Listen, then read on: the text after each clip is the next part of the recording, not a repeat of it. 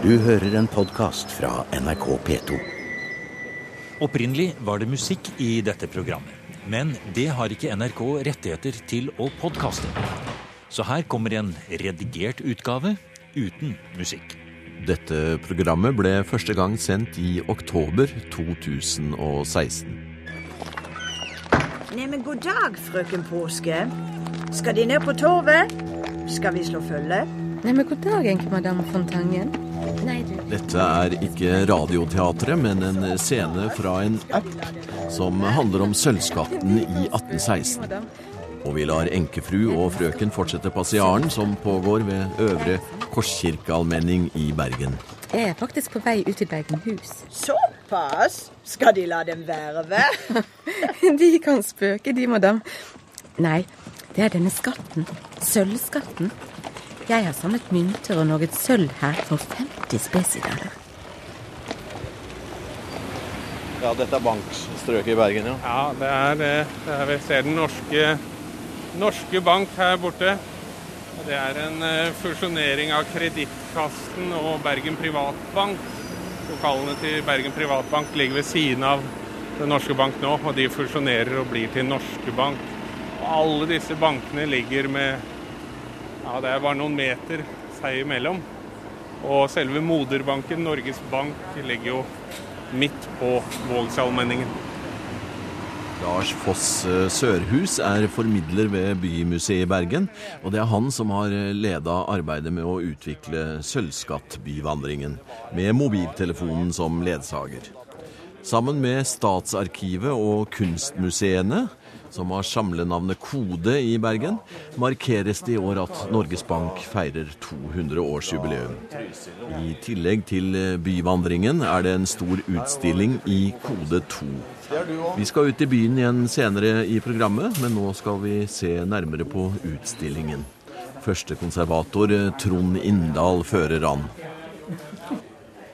Eh, Kode er jo en eh, sammenslutning av forskjellige kunstmuseer og musikkmuseer i Bergen. Består av Det gamle Kunstindustrimuseet og Bergen kunstmuseum. Og eh, Trollhaugen, Lyshaugen og Siljestøl er også med i denne enheten. Så det er de estetiske faga, holdt jeg på å si. Det er det. Her går vi inn i Her står det Sølvskatten 1816 på døra. Og inn i et veldig flott utstillingslokale. Og her er det bilder som vises kontinuerlig på, på veggen. Ja, vi viser noen av eh, de utstilte gjenstandene på skjermen der, og vi ser også bilde av eh, metallverdien på en gjenstand. Vi viser den i, også i et rom ved siden av her.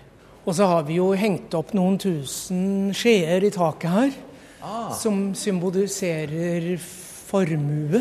Fordi jo sølvskjeer var en eh, viktig del av formuen til folk i gamle dager. Altså den perioden hvor før vi fikk Norges Bank. Så elegant det var. Jeg var innom her i stad og så ikke at det var sølvskjeer engang.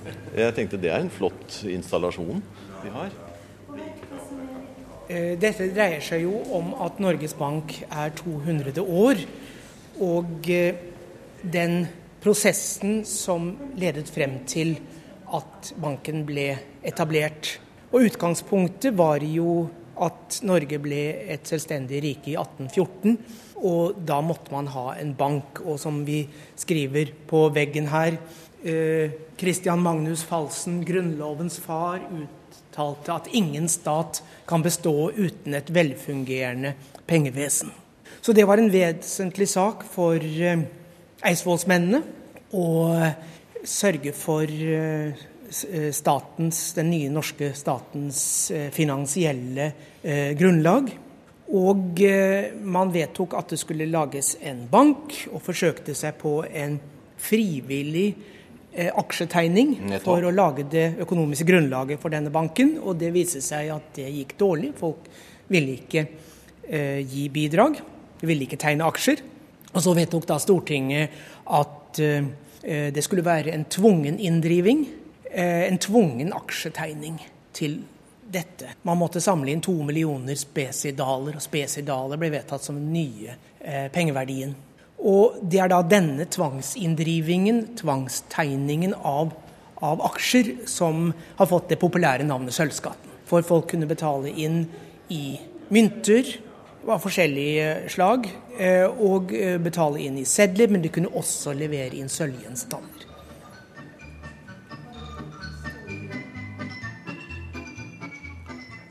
Og dermed var eh, pengegaloppen i Norge i gang. Museum er i Bergen, hvor Statsarkivet, Bymuseet og Kode, altså kunstmuseene, markerer at det er 200 år siden Norges Bank ble etablert. Økonomien var skrall, og myndighetene inviterte innbyggerne til å betale inn penger, 2% av formuen, for å få en startkapital på to millioner spesidaler.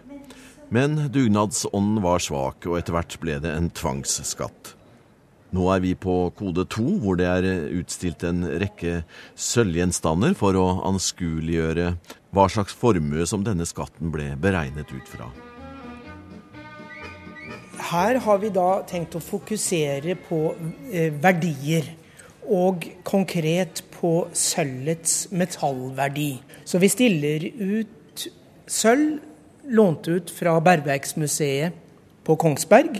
Vi viser trådsølv og platesølv, og vi viser en sølvbarre.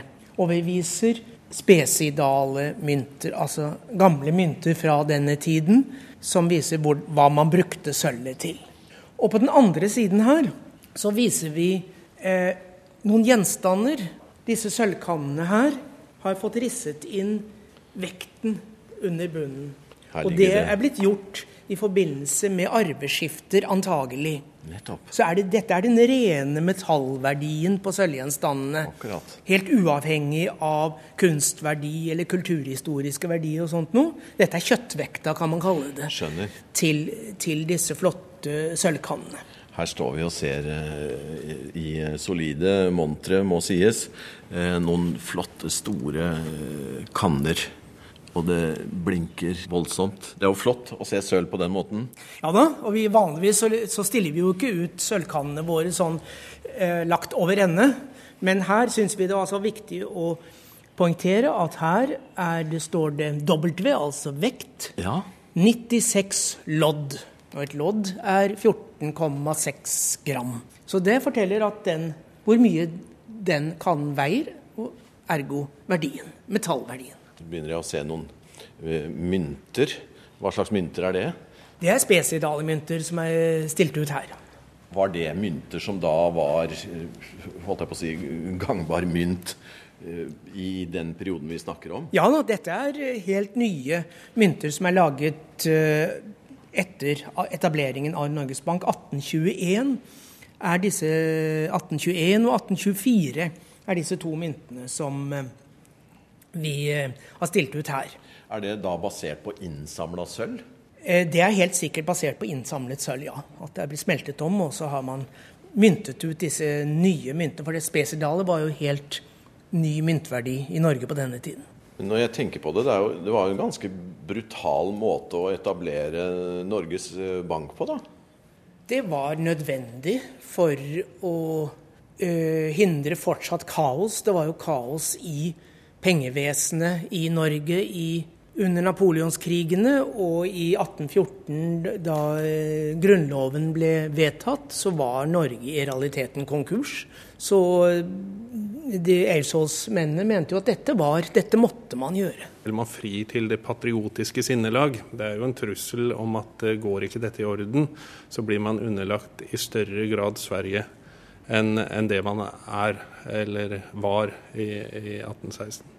Så det var en viktig del av frigjøringsprosessen og, og bygging av, av, nasjonen, dette her altså? Ja, absolutt. Og det er noe altså Christian Fredrik allerede i februar i 1814 er på en måte på en, en, en reise i Norge hvor han eh, frir til, til de bedre stilte menn og kjøpmenn i Norge. Nettopp på, på å få i gang en, en, bank. Eh, og det er mange som arbeider for, for å få dette opp Her. Nå eh, lurer jeg på, eh, når jeg ser på disse sølvgjenstandene Det var jo ikke vanlige folk som hadde sånt noe. Og det var fattigdom på den tiden selvfølgelig, ble alle ramma av denne skatten? Nei, det var jo de formuene som skulle betale. Og bare sånn som i Bergen by, og det har jo vært mye snakk om at Bergen er den byen som betalte mest. Og det er riktig, men Bergen var òg landets største by. Men uh, av det som ble utredet her på Vestlandet, så var det jo Det ble jo krevd inn mer i landdistriktene rundt Bergen enn i Bergen. Arkivar Marianne Herfindal Johannessen ved Statsarkivet i Bergen har hygga seg i arkivene for å finne historiene fra tiden da sølvskatten ble drevet inn.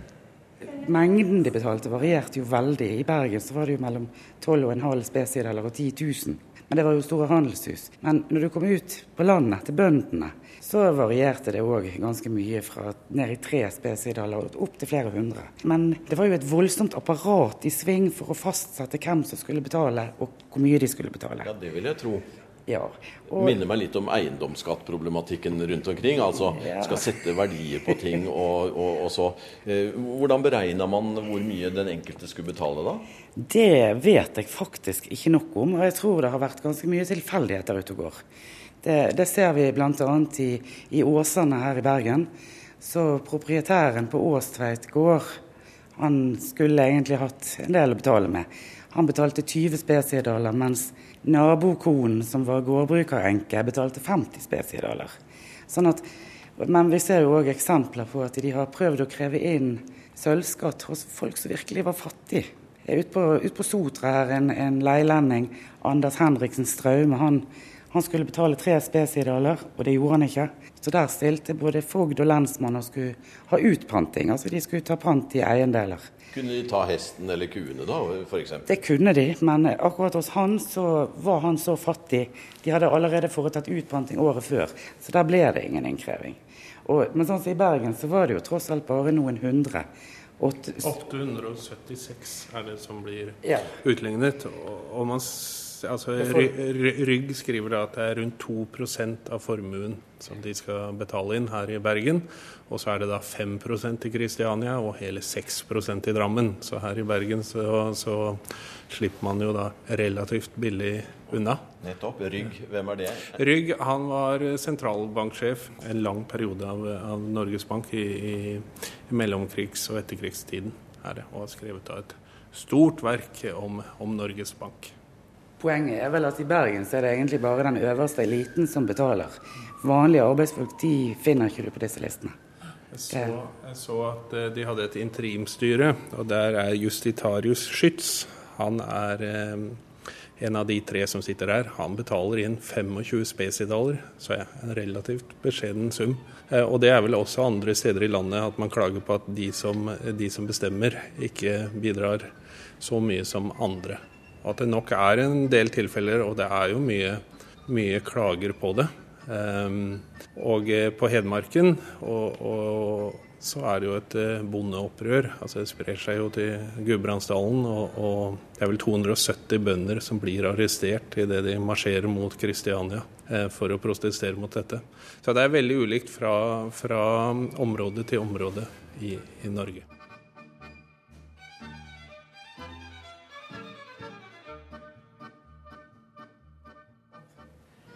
Nei, se her, du. Og nå er vi kommet inn i Bergen i 1816. Og vi viser to flotte byprospekter laget av Dreyer, som er blåst opp og satt opp på endeveggene her. Og det er fantastiske bilder som viser veldig flotte detaljer på hvordan byen så ut på denne tiden. Og så har vi da i dette rommet presentert ni av de totalt 876 eh, som ga bidrag til denne sølvskatten.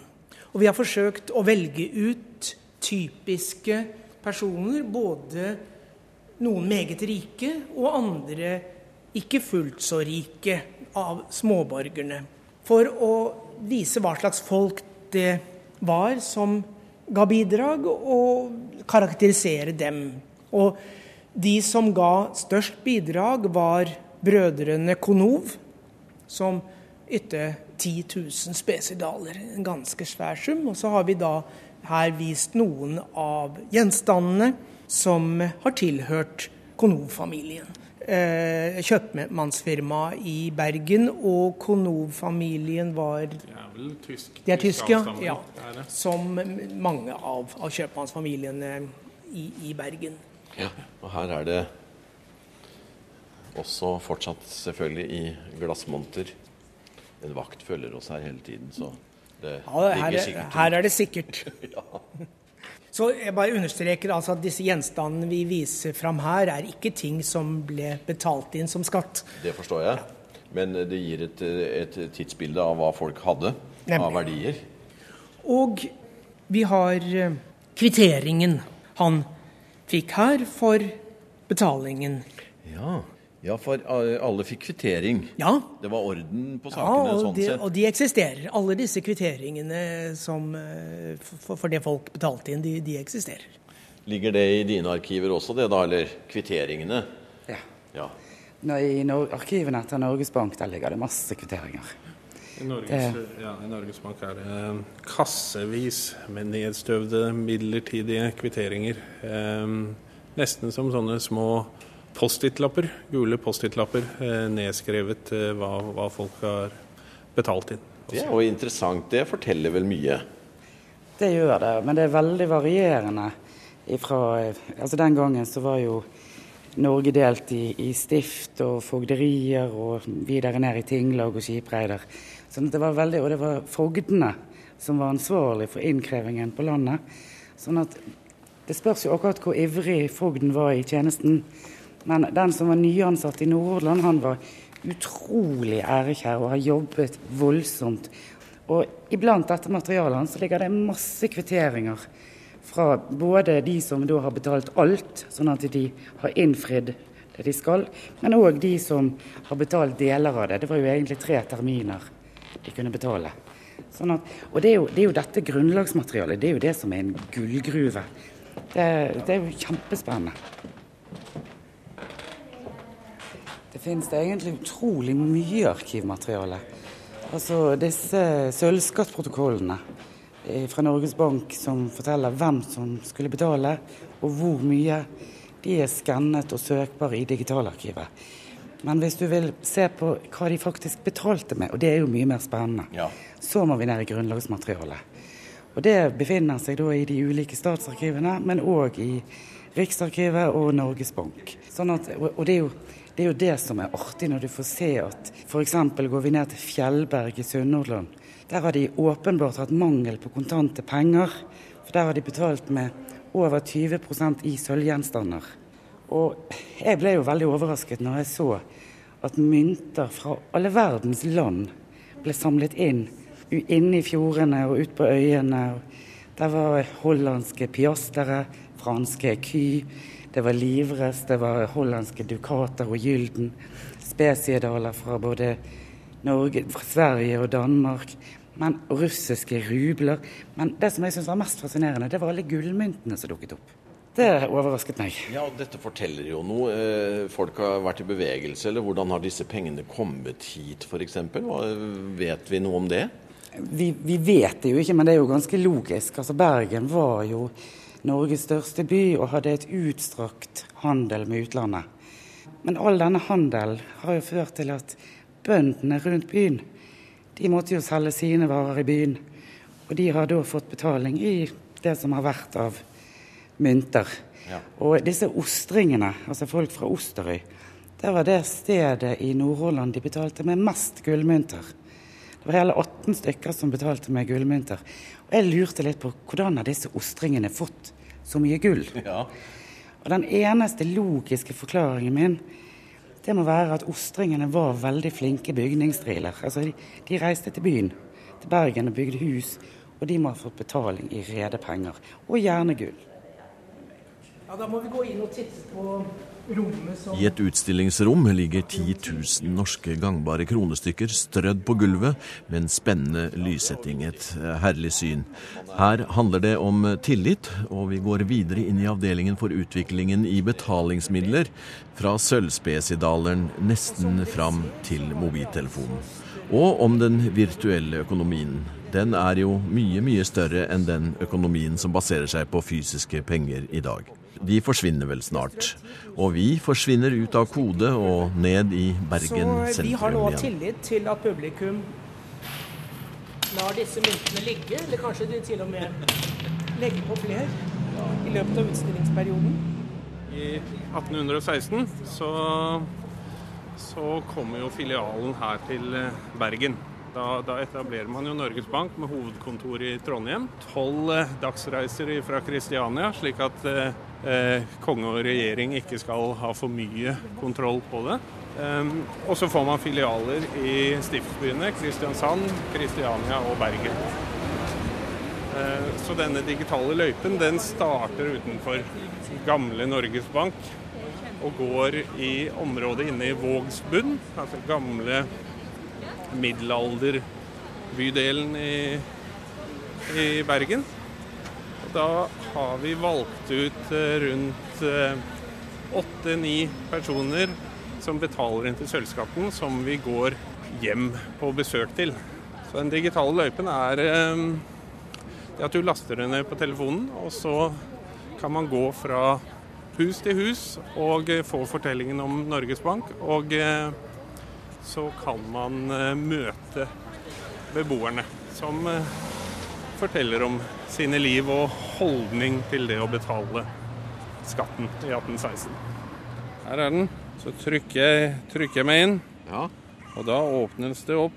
Sølvskatten 1816, og så Ja. kommer bykart med kommer et bykart. Og så skal vi se, hvis jeg slår på GPS-en min, så skal vi se at vi finner, finner meg her òg. Da syns du selv i kartet. Der er du. Eh, ja, jeg kommer, kommer snart. Å ja. Er det. Så vi er ved nummer én her på Vågsalmenningen. For eh, rett foran oss, der er eh, Norges Banks eh, filialbygg fra 1845. Og eh, utenpå det så henger det en eh, plakat med informasjon. Og der er det også en QR-kode. Og når man har lastet inn appen og skanner koden, Der henger det på veggen, ja. Det er restaureringsarbeider her, men Ja. eh, en digital vandreløype. Norges Bank 200 år. det er det. Og så er det en sånn eh, barkode her, ja. Ja. Og da trykker man på den, og så åpner det opp. Da reiser vi tilbake til 1816. Ja, jeg beklager at jeg er, er sen. Det, er jeg som har Meltzer. Ja, Fredrik Meltzer. Gleder meg. Gleder meg. Jeg ble heftet av himmelfarten her borte på torvet. Han fiskedrageren. Ja, jeg, jeg fikk han til å ta noe fisk hjem til meg. Ja, ja, la, la oss ikke bruke tiden på det. Uansett så er de velkommen. Velkommen skal de være til vår stakkels by. Ja, nå er det fred, men, men fortsatt truer økonomien at falle sammen. Nå er vi tilbake til Sirena igjen. Nå er vi tilbake til Sirena. Hvor bodde han, da? Fredrik Meltzer han eh, bodde i Slottsgaten, eller det som vi nå Ja. kaller Slottsgaten, altså i enden av Bryggen. Det Akkurat. som nå er eh, revet. eh. Men det er meninga at den skal gå rundt? Det er meninga skal gå rundt, så akkurat Fredrik Meltzer han kommer til oss. Ja. Fordi han er jo en av eh, de, de som styrer Norges Bank her i, her i Bergen. Og, og i hans eh, på en måte, eh, monolog så, så, så oppfordrer han oss alle til å bidra. Og så sier han at eh, vi skal gå inn og besøke hans venn eh, Jens Rolfsen, som Ja. var med til eh, Eidsvoll sammen med han. Ja. Så det er på en måte veien videre innover i, i Vågsbunn å, finne han. Og på veien så møter man jomfru Påske og, eh, og madame eh, Enke von Tangen eh, på det. Så, Så man, da kan man gå og se der de bodde, faktisk, Ja. da, og så høre ja, historien så hører man deres. eh, deres holdning eh, til, eh, til innbetalingen til det. Neimen, hvem har vi så her? Er dere kommet for fest og selskapeligheter, så er dere kommet rett. Hva? Sølvskatten? Ja, hva synes om den? Ja, vi får nå se da, sier jeg. Jeg skal nå, jeg skal nå gradelig betale hvis de ber meg. Ja, jeg, jeg sier det rett ut. Jeg venter. Ja, jeg, jeg Det er formidler Lars eh, Og Foss ikke- Sørhus som har skrevet fortellingene som skuespillere fra Bergen her fremfører. Monologer og dialoger som kanskje kunne vært sagt på den tiden. Ja, jeg kommer. Ja, nei, altså, jeg med finansene. Ja, men Hva du står her og tyter etter da, Jens? Karene venter på deg. Jo, ølet. Nei, men det var bare noen som var litt interessert. Fikk man inn alle pengene fra hver krik og krok i, i landet? Ja, til slutt. Og det er altså i 1826 så er fondet så å si fullt. 1 970 000 omtrent eh, spesidaler er det. Og så skriver denne Rygg igjen, da, altså, men hvilket offer hadde det ikke vært eh, å, å få inn? Det tar, tar sin tid, og nå, i 2016, så er vi nådd 7150 milliarder kroner. Så det er jo en enorm stigning i verdiene for Norges Bank.